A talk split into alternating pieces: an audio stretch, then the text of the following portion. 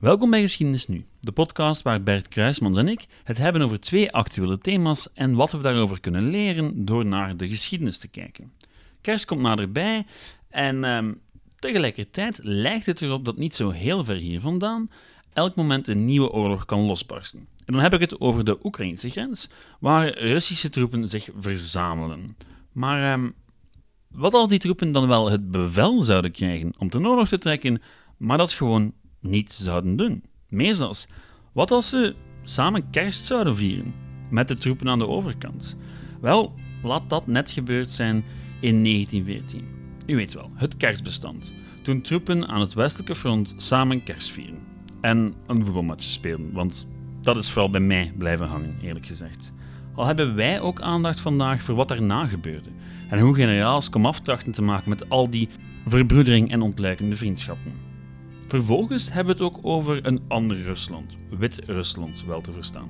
Ook een land dat tegenwoordig niet uit de media is weg te branden, maar waar komt het eigenlijk vandaan? En is er een historische uitleg voor alles wat er nu aan de hand is? Dat en nog veel meer in deze aflevering van Geschiedenis Nu. Welkom!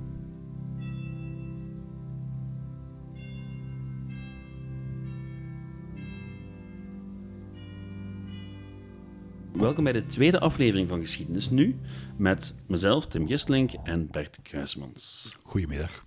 We gaan het vandaag hebben over het kerstbestand en Wit-Rusland. Nu, we gaan beginnen met dat kerstbestand, want daar valt ook heel veel over te zeggen. Ja, ik, eh, ik weet niet of één uitzending eigenlijk genoeg is om, om daar alles over te vertellen. We zullen wel zien waar we uitkomen, maar er komt heel veel bij kijken ehm, bij dat kerstbestand tijdens Wereldoorlog 1. Het was een heel ingewikkelde situatie, er zijn heel veel landen bij betrokken en er vallen heel veel eh, ja, sterke verhalen te rapen aan uh, dat westelijk front. Het is natuurlijk ook echt iets dat heel erg samenhangt met het soort oorlog dat het was, want aan het oostelijk front was het eigenlijk niet. Dus echt dat westelijk front gaat echt ook samen met die loopgraven, met die heel die vastgelopen situatie.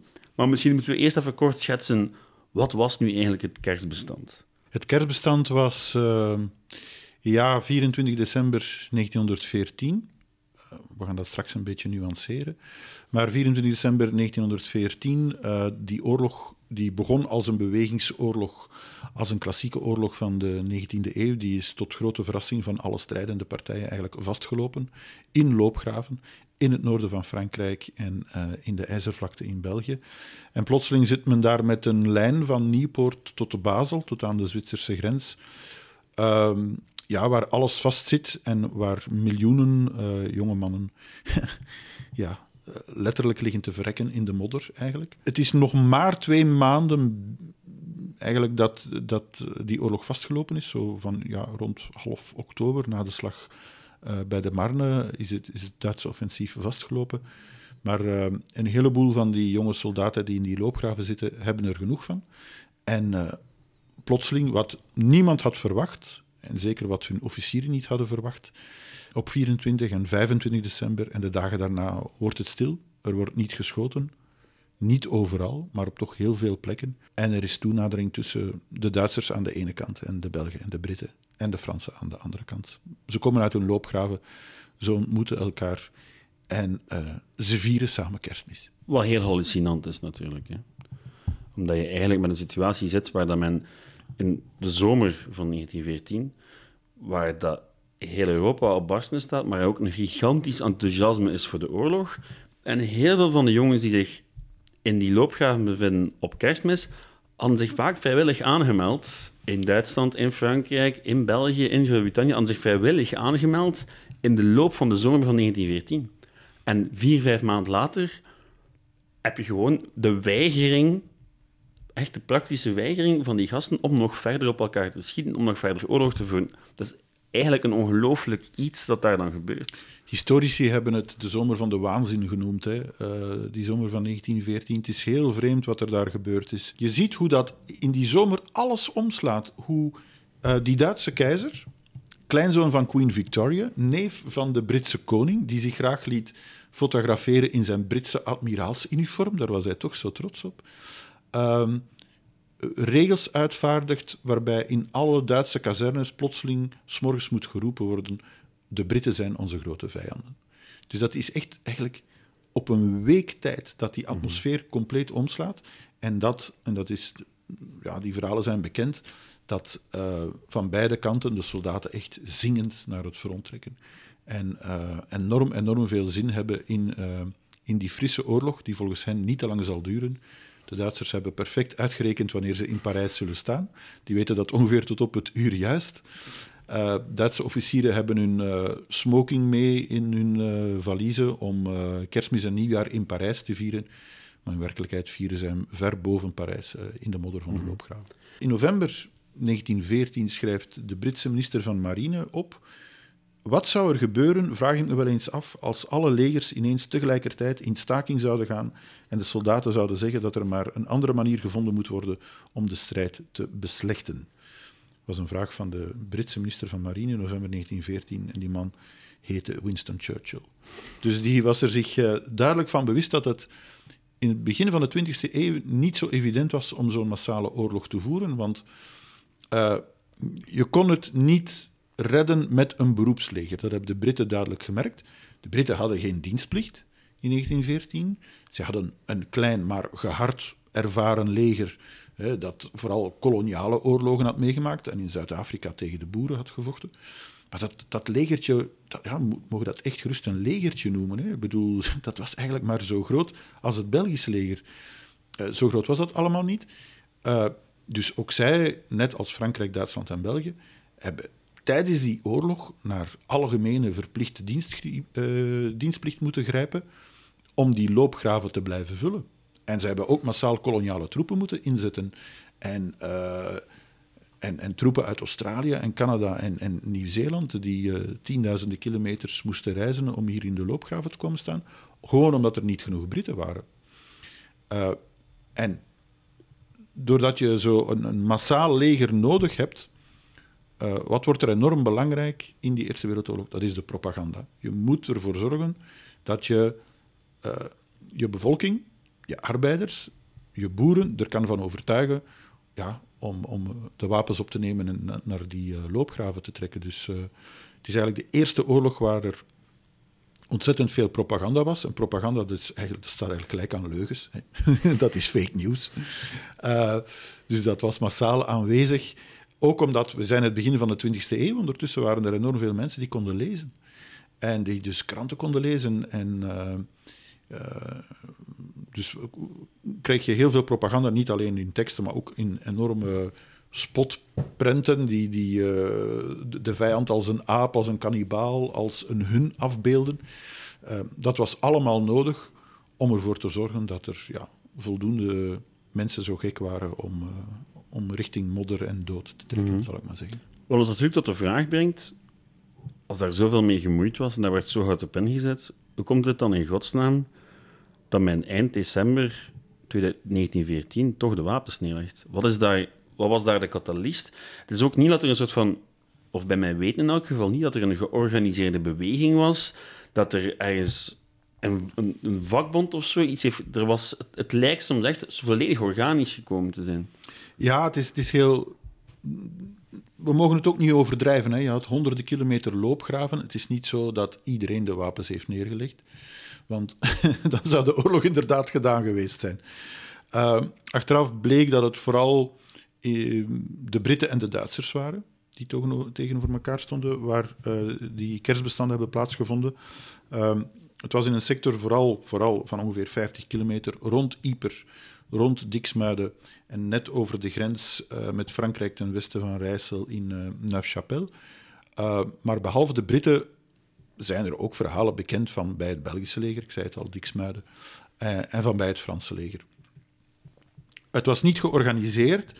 Er waren al zekere afspraken blijkbaar gemaakt in die loopgraven onder elkaar voordien. Bijvoorbeeld dat uh, je schoot niet tijdens het ontbijt. je liet tenminste de tegenstander de kans om rustig zijn maag te vullen voor hij overhoop werd geschoten. en nog zo eentje was, je schoot niet op een soldaat die op de latrine zat, die dus op zijn gemak naar het toilet ging. Blijkbaar was het oneervol om mensen neer te schieten met hun broek op hun enkels. Eh, dus, dus, dus er waren wel al zo stilzwijgende afspraken gemaakt, waar natuurlijk geen, geen, geen dagorder van de generale staf, geen bevel van een officier aan te pas kwam. Maar dat was allemaal heel incidenteel hier en daar. En zo vanaf 18 december eigenlijk begint het, ook weer hier en daar, en vooral op 24 december, kerstavond. Blijkbaar komt het initiatief vooral van de Duitse soldaten. Bijna overal, alle verhalen die je hoort, die zeggen van het zijn de Duitsers die beginnen. Die beginnen Stilnacht te zingen. Uh, de Britten of de Fransen aan de overkant, die uh, beantwoorden dat met hun eigen Christmas carols, met hun eigen kerstliederen. Beetje rivaliteit in het begin, maar dan wordt het, ja, wordt het allemaal wat vriendelijker. Plotseling hier en daar in de Britse loopgraven krijgen die iets binnen. Er wordt iets gegooid van bij de Duitsers. Iedereen springt weg, want hij denkt van daar komt weer een handgranaat. Maar dan blijkt dat het een ingewikkelde een, een fles schnaps is die ingewikkeld is met een briefje eraan. Hè, uh, Merry Christmas. Dus zo wordt dat eigenlijk overal opgebouwd. En uh, Duitse soldaten beginnen te roepen naar de Britten: uh, We not shoot, you not shoot. En dat soort van dingen worden over en weer geroepen. Er zijn verhalen bekend van één gek, één Duitser, die over de, over de top, ja, over de borstwering ging. Mm -hmm. Die heel, helemaal alleen dat niemandsland inliep richting Britten. En dat de Britten direct zagen van, ja, dit is een gek, want hij loopt alleen. Dit is duidelijk geen aanval. en dat, dat er soms Britten wouden daarop beginnen schieten en dan plotseling zagen dat er één Brit van langs zij kwam en naar die Duitser toe liep. En, mm -hmm. Dus het zijn allemaal aparte incidenten, maar natuurlijk gaat het als een vuurtje rond in die loopgraven, die ene langgerekte lijn zijn. Hè. En uh, ja, het ene regiment uh, beseft plotseling dat het andere regiment naast hen dat er iets aan het gebeuren is. Die zien ook lichtjes in dat niemandsland verschijnen. Die weten niet goed wat er aan het gebeuren is. En zo gaat het verder en verder. En um, ja, het wordt echt een, een soort uh, brandend vuur. Um, het initiatief komt vooral van bijna alleen maar van Duitse soldaten. Er is maar één soort Duitse soldaat die er eigenlijk niet aan deelneemt. En die blijft maar schieten. En dat zijn de Pruisen. uh, de kern van het Duitse keizerrijk. Uh, ik bedoel, um, het, ja, het kernland ook voor de, voor de Duitse keizer, voor Willem II. Mm. Hij is ook koning van Pruisen. En um, ja, die, uh, voor hen is het business as usual. Uh, als er toenaderingspogingen komen van de andere kant, dan beantwoorden ze dat gewoon met handgranaten en met, en, en, en met, uh, ja, met mitrailleurs. Mm -hmm. um, maar het is, het, is, het is heel vreemd, het is heel absurd waar het, wat er aan het gebeuren is. Hè. je krijgt die, die, die, die Duitsers die in Groot-Brittannië hebben gewerkt, die in accentloos Engels populaire Engelse liedjes zingen. En het sterke is, er is een verhaal bekend van een, een Duitser, een zekere Goldschmidt. En um, die moet een gevangen Brit ondervragen. Omdat hij perfect Engels spreekt, uh, is dat zijn job. En hij komt te weten dat zijn zwager, zijn schoonbroer uit Londen, als compagniecommandant aan de overkant staat. Het kerstbestand is daar zeer vlug gesloten. Tussen de Duitsers en de Britten. En er worden cadeautjes uitgewisseld en wat weet ik allemaal. En uh, aan zijn schoonbroer geeft, hij krabbelt snel iets op een briefje en hij geeft dat mee voor zijn familie, zijn, zijn eigen vrouw. Hè. Die is achtergebleven in Groot-Brittannië. Maar enkele weken later werd die Goldschmidt door een voltreffer gedood uh, in de loopgraaf. Dus er zijn enorm veel uitwisselingen. Je hebt ook Britten die hun best doen om Duits te spreken. Er is het verhaal bekend van een Brit die riep... Uh, wie, wie geht es deinen Vater, Frits? Wat natuurlijk nergens op slaat. Hoe gaat het met jouw vader? Dat sloeg nergens op, maar het was de enige zin in het Duits die hij kende. Dus hij had die maar gebruikt. En die, ja, blijkbaar heeft hij succes gehad. En is ook daar uh, ja, verbroedering uitgekomen, uh, zal ik maar zeggen. En zo zijn er ontzettend, ontzettend mm -hmm. veel verhalen bekend. Er zijn er heel veel. Het komt ook heel vaak op rond deze periode. Ik denk dat zeker tijdens de herdenkingsperiode van de Eerste Wereldoorlog hoorden we het elk jaar rond kerstmis. Waar het dan wel heel zelden over ging, dat is wat er daarna gebeurd is.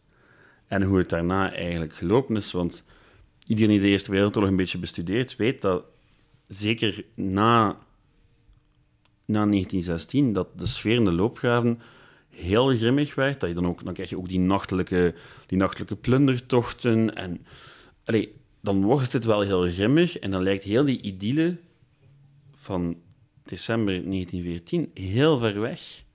De verhaal van de voetbalmatchen is wat mij als kind het meeste is bijgebleven, natuurlijk. Ehm, en dan, ja, dat die oorlog gaat wel effectief verder, natuurlijk. Dus de idylle is mooi, maar de realiteit moet toch wel net ietsje gecompliceerder geweest zijn.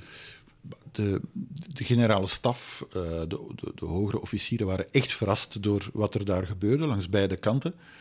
En die, ja, die willen dat natuurlijk niet. Hè. Dat is duidelijk. Die willen dat er verder gevochten wordt. Dus wat doen ze vanaf 1915? Het regime wordt strenger, eh, vooral in Groot-Brittannië. In Frankrijk was het eigenlijk al vrij streng voor muiterij, desertie. Er worden meer en meer eh, jongens tegen, ja, eh, geëxecuteerd, tegen de paal gezet en geëxecuteerd. Ehm, dat is wat er gebeurt. De propaganda wordt nog opgedreven. Ehm, dus bijvoorbeeld het verhaal van een, eh, een brief van een Beierse soldaat die gevonden werd door de Britten.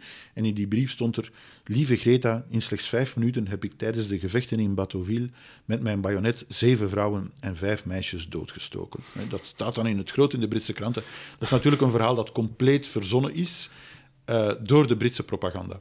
Dus dat soort van horrorverhalen worden meer en meer opgevoerd. In Duitsland verschijnen er verhalen van eh, Duitse soldaten die smeken om hun leven en die door Britse soldaten eh, met een spade wordt hun, hoofd afgehakt en zo.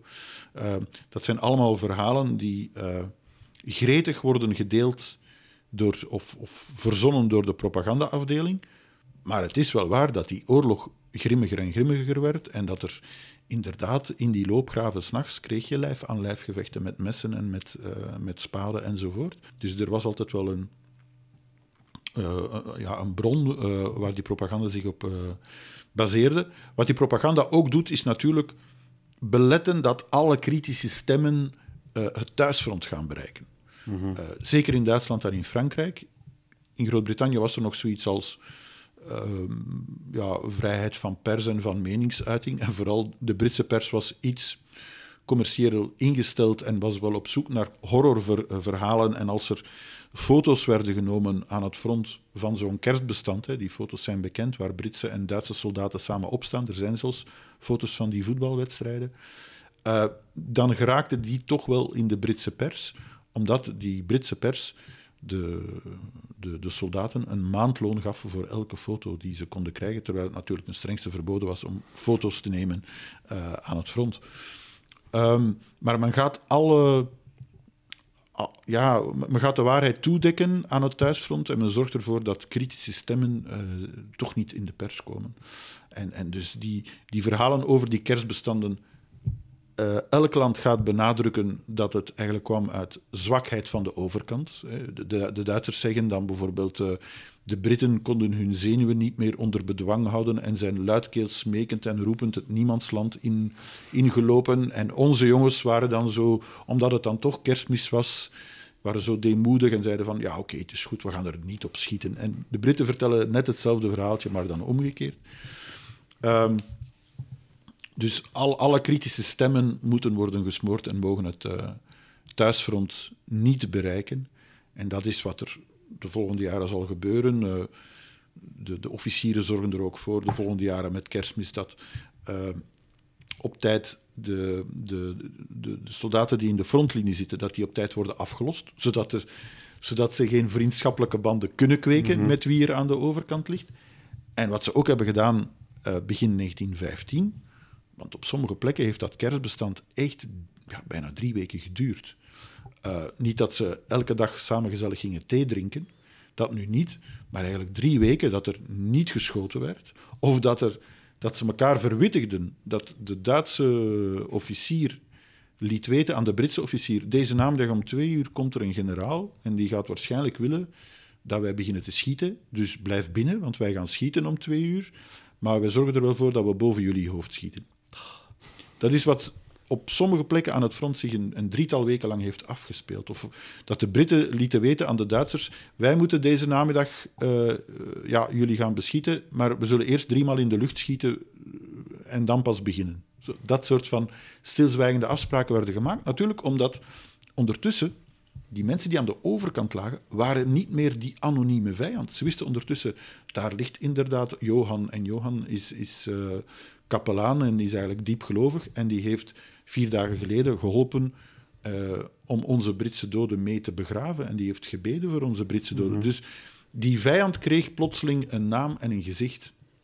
En dat is wat men wou vermijden uh, vanuit de generale staf. Dus wat deed men dan? Bijvoorbeeld, men zette opnieuw het offensief in met artilleriebeschietingen.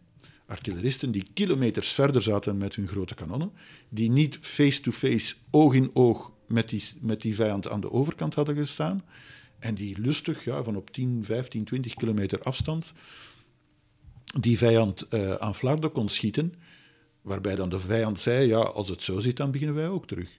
Dus dat was zo een trucje ook van, uh, van de generaals om ervoor te zorgen, ook de volgende jaren met kerstmis, dat dit zich niet meer zou herhalen. Hm. Ja, het is een ongelooflijk verhaal, vooral als je echt naar de gevolgen van... Het kerstbestand als idee is leuk om eens te vertellen, maar het, het zet echt wel alles wat je aanneemt over oorlog en legers op de helling. Want natuurlijk, een keer dat je dat soort zaken begint te zien, ja, dan wordt het heel moeilijk om oorlog te voeren. Een, een gelijkaardig voorbeeld uit die tijd, wat is net iets anders, is natuurlijk het, um, het Russische leger. Op het moment dat de eerste Russische revolutie plaatsvindt, dan ga je eigenlijk al heel snel experimenten krijgen met soldatendemocratie binnen het Russische leger. Waarbij men, eigenlijk gaat gaan, de eigen officieren gaat verkiezen, men gaat um, referendums houden over de beslissing van de generale staf. Dus je krijgt een soort van democratisch leger. Ja. Wat natuurlijk niet bijster effectief is. Dat, dat werkt natuurlijk niet. Hè. In een oorlog moet je heel snel kunnen optreden. Uh, je zou het bijna kunnen vergelijken met een land waar ze negen ministers van volksgezondheid hebben om een coronapandemie aan te pakken. Ik denk dat je het daarmee mooi kan vergelijken. In, dat, dat werkt natuurlijk niet. Hè. Je moet eenheid van commando hebben, uh, je moet korte structuren hebben en uh, je kan niet met 200 mensen vergaderen, gaan we morgen aanvallen of niet. Nee. zo werkt het niet. Ja. Het mooie aan het kerstbestand is natuurlijk dat je heel, dat je heel mooi ziet dat heel veel mensen, net zoals de gemiddelde mens, eens dat er iets van empathie bestaat, nog maar heel weinig zin heeft om, om een ander pijn of, of ellende aan te doen. Maar ik denk dat het vooral duidelijk was in die loopgravenoorlog, omdat die mensen soms echt zeer absurd dicht op elkaar zaten. Um, er is sprake van een afstand soms van 10 meter tussen de voorste linies. Dus als men aan de overkant een liedje begint te zingen, moeten ze ook niet eens zo hard zingen. Uh, zo luid zingen om het te kunnen horen. En het, het, het was echt een, een, een, oorlog waarbij men nog elkaar uh, ja, in het wit van de ogen keek. Maar in tegenstelling tot de 19e eeuw, zo'n slag bij Waterloo zal ik maar zeggen, daar werd, ja, het werd s'morgens licht, er werd gevochten. En als het donker was, dan trok men zich terug. En uh, eventueel deed men de volgende dag verder. Maar dit, dit ging maar door. Uh, men zat, maar die, die, die, troepen werden wel afgelost natuurlijk. Hè. Het is niet dat die maandenlang in die voorste linies zaten. Maar het is wel zo dat je uh, wekenlang op, op, op diezelfde plekken zat en weer naar de, naar de eerste linies en dan een paar dagen terug en, en, rusten en dan hup, weer naar voren. Dus die vijand zat constant zo dichtbij. En ook die verschrikking van die oorlog stopte niet, want wat heeft men vooral gedaan tijdens dat kerstbestand? Dat is de doden begraven. Dat, dat, van die voetbalmatchen is leuk om te zien natuurlijk. En dat is ook mooi om daar een film over te maken. Maar uh, het belangrijkste wat er gebeurd is, is het begraven van de doden. Ze hebben dat soms samen gedaan. Ze hebben de, elkaar geholpen. Er zijn gezamenlijke erediensten geweest. Uh, spijtig genoeg was het een beetje absurd, want ik zei het een paar weken later begonnen die artilleriebombardementen en die doden vlogen letterlijk terug door de lucht. Uh, mm -hmm. Zo eenvoudig was het. Maar men vond het heel belangrijk om die doden te begraven, want stel je dat voor, je hebt een aanval van gehad van, stel maar het Britse leger naar, naar de Duitse loopgraven. Een aantal jongens komen niet terug, die, liggen, uh, die zijn dood of die liggen gewond te sterven in dat niemandsland. Die blijven daar wel liggen bij zo'n slag bij Waterloo, ja, als de slag gebeurd was, dan kwamen er mensen op dat slagveld, vooral om de doden te beroven, eerlijk gezegd. Maar dan werden die doden begraven en die gewonden werden afgevoerd en zo. Nu bleven die in dat niemandsland dagen, weken liggen. Dus je ziet daar lijken ontbinden, je ziet daar aasvogels en ratten uh, die doen wat ze willen doen. Dus zelfs als je niet aan het vechten bent, word je constant met de gruwel van die oorlog geconfronteerd. En we weten allemaal dat die oorlog eigenlijk is gestopt doordat het Duitse front in elkaar gestort is. Dat die Duitse soldaten hun, ja, hun geweer uh, weggooiden en zeiden van we gaan naar huis, we stoppen ermee. Het is begonnen met de, de, de, de marine en de arbeiders in Kiel. Uh, die zijn ermee begonnen, maar dat ging dan als een lopend vuurtje. Maar uh, wat, wat een beetje vergeten wordt, is dat eigenlijk net hetzelfde gebeurde aan de overkant. Bij het Britse leger, het Franse en het Belgische leger mm -hmm. was er sprake van muiterij, was er sprake van opstanden. Zijn er ontzettend veel mensen uh, doodgeschoten, omdat die eigenlijk ook zeiden van, we zijn het beu. En ik denk vooral dat um, de soldaten die in die kerstnacht uh, in 1914 bij elkaar kwamen in dat niemandsland, dat die zich nooit hadden kunnen inbeelden dat ze daar nog vier jaar gingen zitten. Absoluut niet. Ja, het kerstbestand het gaat natuurlijk over veel meer dan die match voetbal. En het gaat over veel meer dan enkel één stop met oorlog. Het stelt gewoon het hele concept in vraag.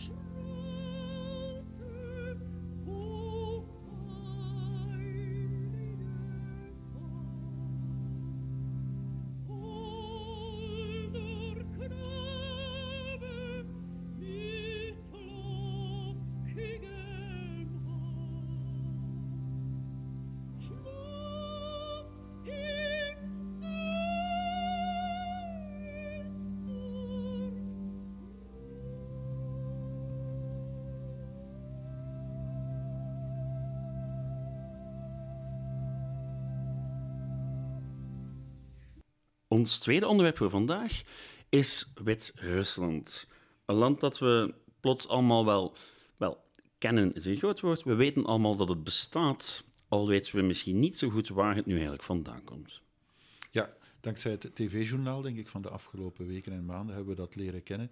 Maar uh, het wordt wel eens de laatste dictatuur van Europa genoemd. En ik denk dat het een van de minst bekende landen is. We weten daar eigenlijk niks van.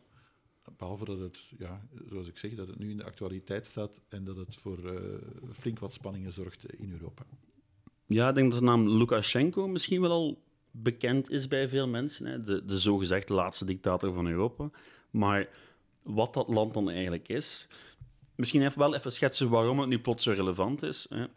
Het is een dictatuur um, en om de zoveel jaar is daar een verkiezing. En die wordt dan gewonnen door de president, uh, nog altijd dezelfde man als in 1994. Ja. En, maar goed, deze zomer en waren er heel veel protesten, protestacties uh, en dergelijke meer. Ook een atlete die de benen heeft genomen vanuit Tokio, uh, omdat ze ja, problemen had met de overheid. en natuurlijk de laatste weken komen ze vooral in het nieuws omdat de Wit-Russen vluchtelingen uit het Midden-Oosten naar hun land halen om die vervolgens te laten ontsnappen richting West-Europa. Ja, via de Poolse grens en uh, de grens met Litouwen. Het is duidelijk dat de Polen, de Litouwers en de Wit-Russen dat dat geen goede vrienden zijn. En uh, ja, dat blijkt ook uit de geschiedenis van die landen. Ja, absoluut. Het is een ongelooflijk boeiende geschiedenis. Uh, we zijn er zelf ingedoken en ik moet zeggen, het was heel leuk en oh ja, ongelooflijk complex. Maar dat is wel vaker zo met dit soort onderwerpen, om daar dan induikt. Laten we beginnen met de naam, Wit-Rusland. En ik moet eigenlijk onmiddellijk al zeggen, um, niemand weet exact waar die naam nu eigenlijk vandaan komt. Uh, is het, gaat het om de witte kleding van een groep slaven die zich daar settelden? Gaat het omdat ze zich vroeger bekeerd hadden dan de buren? Gaat het erom dat ze niet veroverd zijn door de Mongolen? Ja, allemaal versies van hetzelfde verhaal, maar niemand weet eigenlijk heel goed wat het nu eigenlijk is. Wat natuurlijk de status van mysterieus land nog maar eens bevestigt. Het meest opmerkelijke aan de naam vind ik dat sommige Wit-Russen dat niet graag horen. Dat hun land Wit-Rusland genoemd wordt. Uh, ze hebben niet graag die link met Rusland, want ze willen toch wel benadrukken dat zij duidelijk een, uh, een onafhankelijk land zijn met, met een eigen geschiedenis, met een eigen achtergrond. En dat zij niet zomaar een, een kolonietje of een, een, uh, een stuk van de Russische grote broer zijn. Absoluut. Maar dat is ook net het heel interessante aan die Wit-Russische geschiedenis. Die zitten constant vast. Het is absoluut een eigen ding met een eigen cultuur. Maar ze zitten ook wel constant in contact met andere culturen die proberen ja, zichzelf op te leggen. Of het nu de Polen zijn, of de Litouwers, of de Russen. Die Wit-Russen zitten altijd vast tussen die verschillende invloeden. Maar misschien moeten we dat even ja, schetsen. Ehm, je kijkt eigenlijk vanaf de 9e eeuw bronnen die het hebben over Wit-Russen. Of niet zozeer over Wit-Russen, maar wel over wat we vandaag de Wit-Russen noemen. En het gaat over Slavische stammen, die op een bepaald moment samen met grote stukken van wat vandaag Rusland is, van wat vandaag Oekraïne is, deel uitmaken van Kiev-Rus, het Russische, eerste Russische Rijk eigenlijk. Maar daar is dus een heel gemeenschappelijke geschiedenis met Oekraïne en Rusland. Oftewel, Groot-Rusland, Klein-Rusland, dat is Oekraïne, en Wit-Rusland, dat is dan uh, Belarus. En dan ga je eigenlijk langzaamaan heel dat geheel uit elkaar zien vallen in verschillende staatjes. En vandaag de dag is, wat nu met Rusland is, zijn de restanten van een heleboel van die staatjes die uiteindelijk ja, bij Litouwen en bij Polen terecht gaan komen. Wat een belangrijk rijk was op een bepaald moment. Hè. Het Pools-Litouwse Rijk was zeer belangrijk. En ik ben er vast van overtuigd dat zeker in Polen er nu nog altijd mensen zijn die daar met veel nostalgie uh, naar terugkijken. Mm, absoluut. Polen-Litouwen was echt een grootmacht in Centraal-Europa. Het was een van de belangrijkste landen in Europa die absoluut de strijd aangingen met Zweden, met de Russen, met de Duitsers. Het was echt een heel belangrijk land dat dan ook heel die regio van Wit-Rusland op een bepaald moment geclaimd heeft. Die ze eigenlijk zelf heeft helpen bevrijden hè, en heeft ervoor gezorgd dat ze niet veroverd zijn door de Mongolen, die op een bepaald moment ook in die regio zaten. En je ziet eigenlijk dat, dat vanaf het moment dat, die, dat Polen-Litouwen daar de baas was, dat men ook gaat proberen om die zoveel mogelijk te gaan incorporeren in Polen, zoveel mogelijk te gaan incorporeren in Litouwen. En die echte incorporatie gebeurt vanaf de 14e eeuw, eigenlijk vooral als doel om de orthodoxe christenen te gaan beschermen tegen de kruisvaarders en tegen de Mongolen, waarvan hij natuurlijk heel veel schrik heeft. En dat gebeurt dan natuurlijk onder de Litouwse groothertog Jagailo. Er zijn heel veel manieren om zijn naam uit te spreken. Ik vrees, niet dat ik, het, ik vrees dat ik het niet juist ga doen. Um, en van dan ga je eigenlijk wel zien dat de adel Pools-Litouws wordt, maar het gewone volk behoudt de eigen taal, behoudt de eigen gewoontes. En je krijgt echt die eigen cultuur, die zeker Slavisch is en wel nauw verband is met Oekraïne en Rusland, maar wel nog altijd een eigen dingetje is. Een met eigen taal. Met, met, een eigen taal, met een eigen literatuur. En die naam Wit-Rusland komt dan ook vanaf de 16e eeuw in. En dat is een regio die wel aan elkaar hangt, ook al heb je dan de spanningen tussen katholieken en orthodoxen. Maar vanaf het moment dat Polen-Litouwen als staat gaat beginnen instorten, dan gaat Belarus ook echt wel in het vizier komen van de andere grootmachten. En dat is eigenlijk het begin van de ellende voor heel die regio. Ja, inderdaad. Ehm, ja, Rusland hè, in, de, in, in de eerste plaats.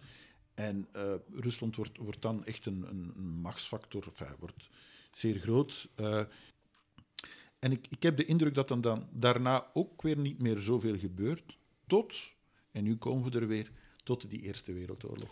Ja. En dan duiken we die 20e eeuw, die voor Wit-Rusland ook weer ja, een eeuw van ellende, miserie, oorlogen is geweest. Niet alleen voor Wit-Rusland, maar voor die hele regio daar.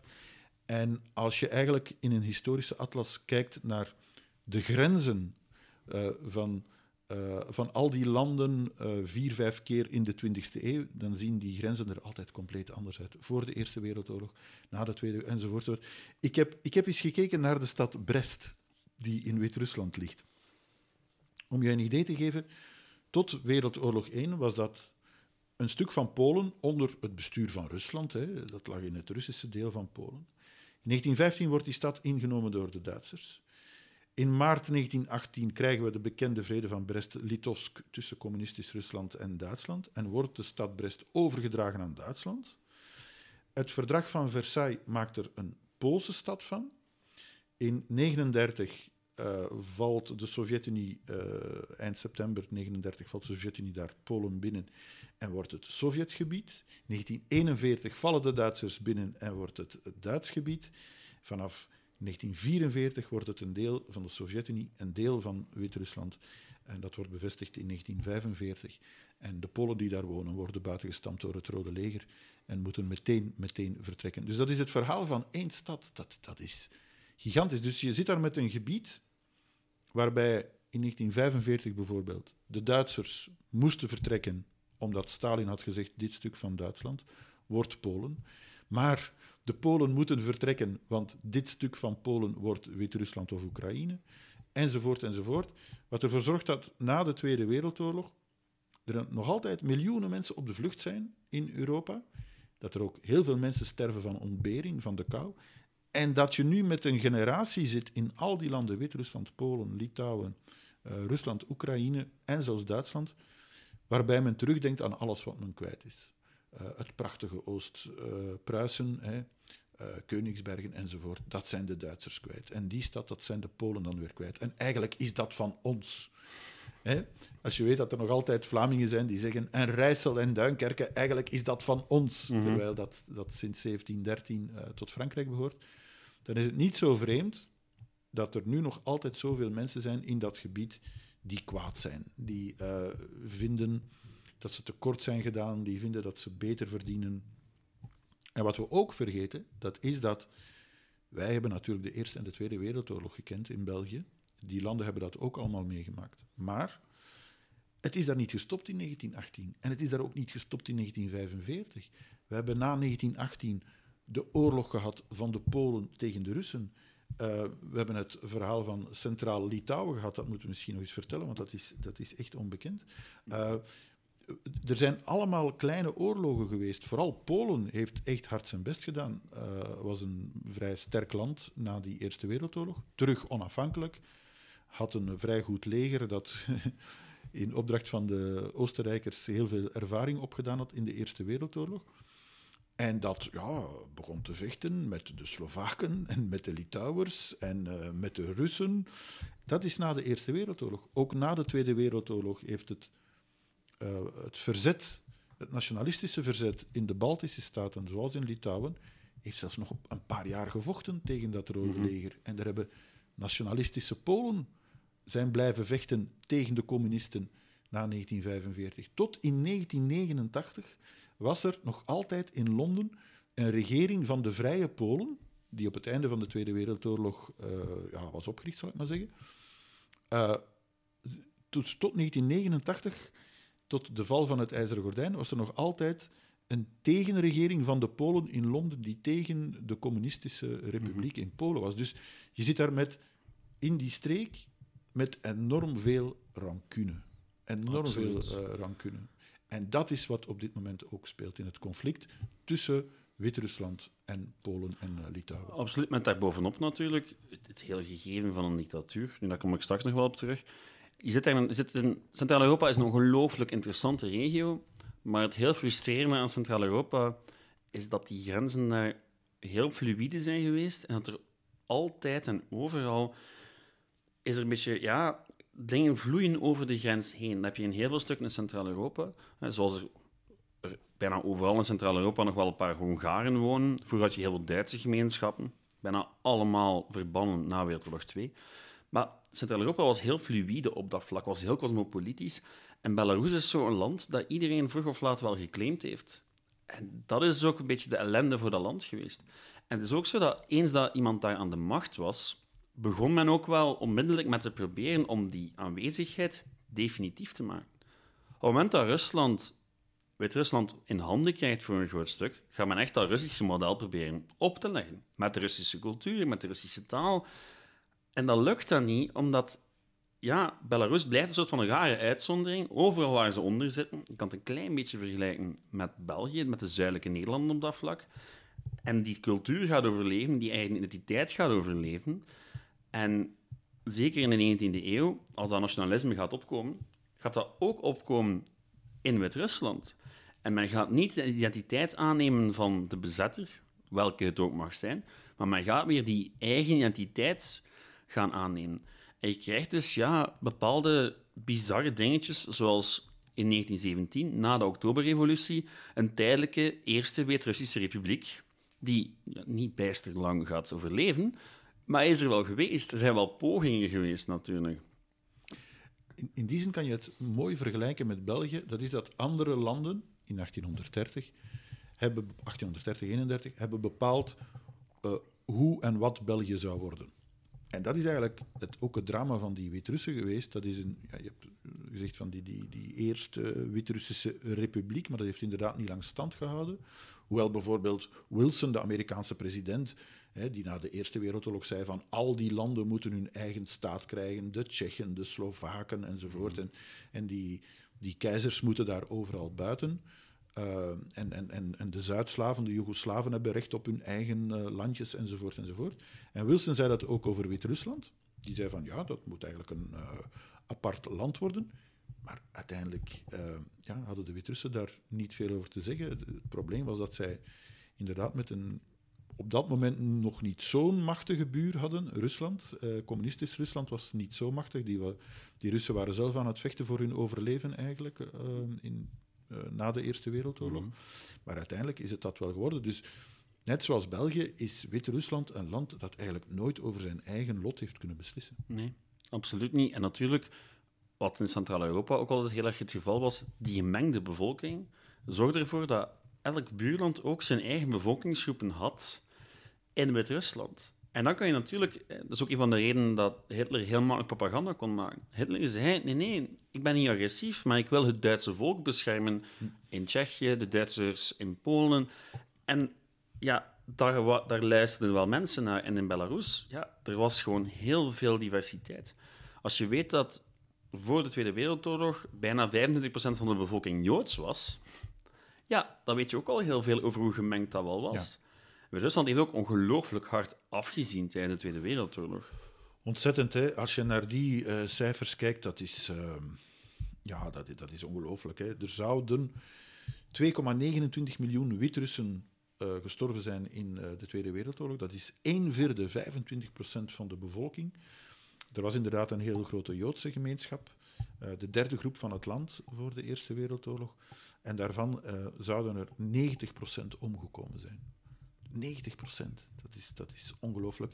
Het inwonersaantal van Wit-Rusland daalde in 1939 van ruim 10 miljoen naar 1945, einde van de Tweede Wereldoorlog, naar 7,7 miljoen. Uh, het is niks voor niks dat de, de, de Sovjets na de, het einde van de Tweede Wereldoorlog hebben gezegd van wij moeten drie zetels hebben in de Algemene Raad van, uh, van de Verenigde Naties, namelijk de Sovjet-Unie, en Oekraïne en Wit-Rusland. Hoewel dus Oekraïne en Wit-Rusland uiteraard een onderdeel waren van die Sovjet-Unie. Maar de Russen claimden dat met het argument: de Wit-Russen en de Oekraïners hebben veel, veel te veel verduren, te verduren gehad in die Tweede Wereldoorlog. Zij moeten daar recht op hebben. En uh, of ze, dat ze daar recht op hebben, dat is een andere vraag. Maar ik denk niet dat je kan uh, discussiëren over de stelling dat die Oekraïne en Wit-Rusland enorm, enorm geleden hebben onder de Tweede Wereldoorlog. Het is een heel stevig argument. Zeker wie de Tweede Wereldoorlog kent, weet dat de Einsatzgroepen, dat waren echt SS-commando's die gericht en of ongericht executies uitvoeren, die hebben vooral in Wit-Rusland heel hard thuis gehouden. Um, het, het grootste deel van de Joden die uitgemoord zijn in Wit-Rusland, zijn niet gestorven onder de concentratiekampen, maar echt door uitmoordingsprocedures, door massagraven. Dat is een heel groot verschil met hoe de holocaust bijvoorbeeld in Polen gebeurd is. Het is echt nog, ja, op een bepaalde manier nog gruwelijker. Um, de sardinenpakking en dergelijke executietechnieken, dat is allemaal Wit-Rusland. Eh, er waren, daar waren, werden geen excuses gebruikt. Bij de deportatie van Joden vanuit West-Europa of vanuit Polen uh, werd er gezegd van ja, die moeten naar werkkampen enzovoort. Dus men probeerde dat te camoufleren, te verbergen, wat, dat, dat men die mensen gewoon wou uitmoorden. Inderdaad, in Wit-Rusland en Oekraïne had men geen enkel scrupule op dat vlak. Die mensen moesten hun eigen graf graven en werden gewoon ter plekke doodgeschoten of, of uh, levend verbrand uh, in schuren enzovoort enzovoort. En iedereen mocht dat ook zien. Daar, daar daar, uh, bedoel, daar, daar waren geen geheimen hè, op dat vlak. -hmm. Ja, het is, het een vreselijke verhaal waar we nu niet diep op in, op in moeten gaan, natuurlijk. Maar het feit is inderdaad dat Rusland blijft achter als ja, een schim van zichzelf. Hij komt dan terecht in die Sovjet-Unie, opnieuw onder, Russisch, onder Russische dominantie. En gaat dan heel langzaamaan heropbouwen waarbij Russisch de officiële taal is, waarbij ook heel wat etnische Russen gaan immigreren. Ja. wat niet onbelangrijk is in de huidige discussie natuurlijk. En langzaamaan gaat dat land zichzelf wel weer heruitvinden. Maar het is een typisch voorbeeld van een Sovjetstaat. Met een eenpartijpolitiek en met al die typische dingen die je associeert met... met De KGB. Met, met de KGB. Ehm, en dat brengt ons naar de dag van vandaag, want de KGB bestaat nog steeds Ja. in Wit-Rusland.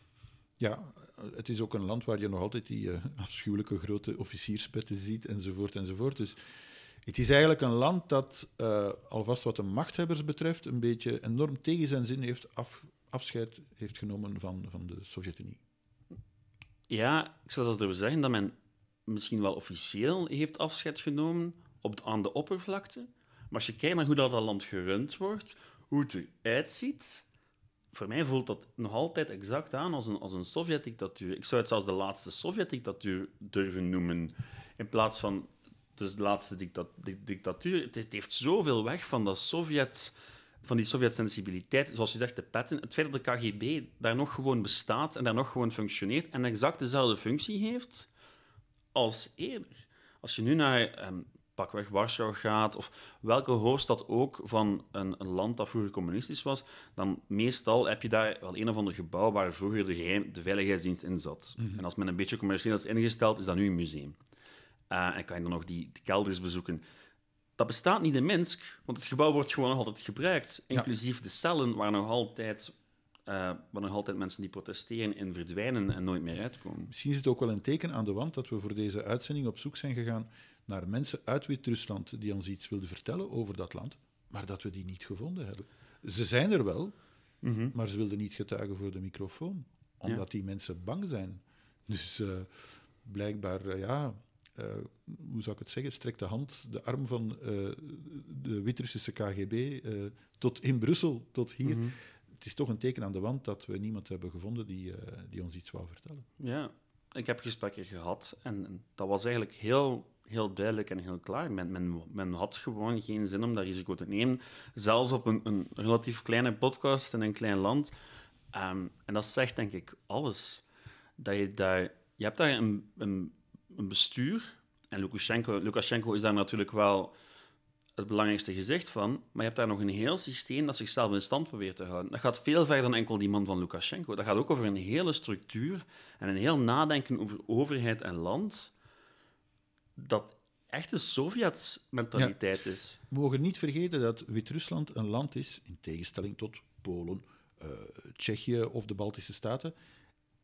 Het is een land dat eigenlijk nooit een democratie geweest is. Nooit. Enfin, laten we, allez, kwam, misschien tussen 1991 en 495. Zo even, dan kwam de, de hoop gloren van dat het, eh, net zoals veel eh, andere landen, en vooral eh, landen uit het Oostblok, hè, Polen, Tsjechië enzovoort, toch een democratie zou kunnen worden. Maar Polen en, en, en Tsjechoslowakije die hadden toch wel al een, een begin van een democratie gekend na de Eerste Wereldoorlog. Maar hier hebben we te maken met een land dat, dat, dat niet eens weet wat dat is. Nee. Een, een, een democratie. Ja, en dat voel je ook aan alles eigenlijk. Hè. Men heeft ook nog altijd staatsbedrijven bijvoorbeeld. Hè. De, de Wit-Russische economie is nog volledig het Sovjet-model. Ehm, administratieve indelingen zijn nog exact hetzelfde als in het communisme. Dus je voelt gewoon dat daar bitter weinig veranderd is. En het is ook een land dat zichzelf heel kunstmatig in leven houdt met de opbrengst van gasexport en dergelijke. En die daardoor ook, en dan komen we terug op de hele geschiedenis van Wit-Rusland, vastzit tussen West-Europa en Rusland. En zit- dat is ja. ook iets dat altijd opnieuw terugkomt. Het zit inderdaad, zeker nu op dit vlak, eh, op dit moment, tussen hamer en aanbeeld. Hè. Je hebt, eh, kijk, het- qua economie is het enorm aangewezen op Rusland. Eh, het is aangewezen op die Russische grote broer, maar we weten dat het historisch gezien toch altijd al een beetje op zijn onafhankelijkheid gestaan heeft. En ik denk dat Lukashenko wel heel graag lid was geweest van de Sovjet-Unie, maar dat hij niet zo graag de kleine broer is van Poetin. Ehm, en hij zit nu met een probleem. Want ofwel ja, eh, schuilt hij onder de militaire en economische macht van de Sovjet-Unie, vooral de militaire, de economische, dat is nog een andere vraag. Want hij heeft geen alternatief. Als je naar zijn land kijkt, dan wordt hij voor de rest omringd door de Europese Unie. En uh, moet hij dus uh, op, goede, op goede voet staan met de Europese Unie, wat hij op dit moment duidelijk niet wil doen. Hij zoekt de confrontatie op met die Europese Unie. En als enige andere buur heeft hij nog Oekraïne. En dat is op dat moment ook niet zo een goede vriend van uh, Poetin. Dus hij is een beetje tot Poetin veroordeeld, maar hij wil niet verdrinken. Wij hebben soms de indruk in het Westen dat Lukashenko een handpop is van Poetin. Maar het is ingewikkelder dan dat. Absoluut. Uh, ze zijn tot elkaar veroordeeld en dat vinden ze zelf ongelooflijk onprettig. En dan moet je ook naar de geschiedenis van Rusland kijken. Uh, Rusland is in 1941 overvallen door de Duitse invasie, door Hitler. Uh, Stalin zag die invasie wel aankomen natuurlijk. Hij heeft tijd gekocht met het niet-aanvalspact van 1939, mhm. waarbij dat ze mooi onder elkaar Polen verdeeld hebben. Dus hij wou een extra bufferzone creëren. En daarom kreeg hij een stukje van Polen erbij. Maar goed, in 1941 valt Hitler binnen. En dat is vrij succesvol in het begin. En op een bepaald moment staan de Duitse troepen wel in de buitenwijken van Moskou. En gelukkig was er dan de winter. En die, die winter heeft dan de Sovjet-Unie gered. En Stalin zei zeer duidelijk na de Tweede Wereldoorlog: Dit mag ons niet meer overkomen. Wij moeten een buffergebied hebben. Dan is het ijzeren gordijn gekomen. Dan is Oost-Europa en Midden-Europa naar Stalin gegaan. Hebben we het Warschau-pact gekregen. Want hij zei: Ik moet mijn land met buffergebieden mhm. kunnen verdedigen. Als we nu kijken, want die buffergebieden zijn verdwenen, het Warschau-pact is verdwenen, sterker nog, enorm tegen de zin van de Russen, zijn een heleboel van die ex-buffergebieden deel van de NAVO geworden. Uh, zelfs de, de Baltische landen, die deel waren van de Sovjet-Unie, zijn lid van de NAVO geworden. En Poetin is natuurlijk de geestelijke zoon van Stalin. En die, die man die is zenuwachtig, want die zegt, waar zijn mijn buffergebieden? Die zegt van, ik wens geen NAVO uh, in Hongarije, laat staan in Oekraïne, laat staan in Georgië. Het is al erg genoeg dat ze in de Baltische gebieden zitten. En ik moet nog altijd een buffergebied hebben. En, en op dit moment heeft hij er eentje, en dat is Wit-Rusland. En in die zin heeft die grote Russische beer die kleine puppy wel nodig. Ja, absoluut. Maar het is een hele absolute situatie die ook heel verwarrend is. En het is ook de grote verklaring waarom Lukashenko nu opzettelijk het Westen treitert door vluchtelingen gewoon, Jezidis, weg te halen uit het Midden-Oosten en dan naar de grens met uh, Litouwen en met Polen te sturen. Het enige wat hij kan doen, omdat hij economisch zo zwak staat, is het uitoefenen van een soort struikroverij. En uh, dat is inderdaad uh, Polen aanvallen met vluchtelingen. En anderzijds kan hij misschien proberen van hier en daar een gaskraan dicht uh, ja. te draaien. Dat is wat ik bedoel met struikroverij. Maar meer troeven heeft hij niet in zijn hand. Uh, hij moet ofwel blijven ja knikken richting grote Russische beer, ofwel moet hij tot een verstandhouding komen met de Europese mhm. Unie. Want ja, op Oekraïne en Rusland na wordt hij volledig omringd door uh, door de Europese Unie. En heeft hij, als hij Rusland niet heeft, heeft hij geen enkele uitweg naar de zee ook. Of hij zou terug met Oekraïne goede vriendjes uh, moeten worden. Maar als hij met Oekraïne goede vriendjes wordt, is hij geen vriend meer met Rusland. Nee. Daar moet hij kiezen. Dus hij zit echt uh, helemaal vast. Er rest ons nog weinig anders dan de luisteraars een zalig kerstfeest en een gelukkig nieuwjaar te wensen. En als er vragen of opmerkingen zijn over deze aflevering of ideeën voor een volgende, want we zijn daar wel mee bezig, kunnen jullie altijd sturen naar geschiedenisvan.outlook.be. En Bert wil nog iets zeggen? Ja, want ik had beloofd dat we nog iets gingen zeggen over Midden-Litouwen. Maar ik stel voor dat we dat houden voor een andere keer, misschien als we het over Polen hebben. Dus als er suggesties zijn voor Polen, laat maar komen. Dank u voor het luisteren en tot binnenkort. Ciao.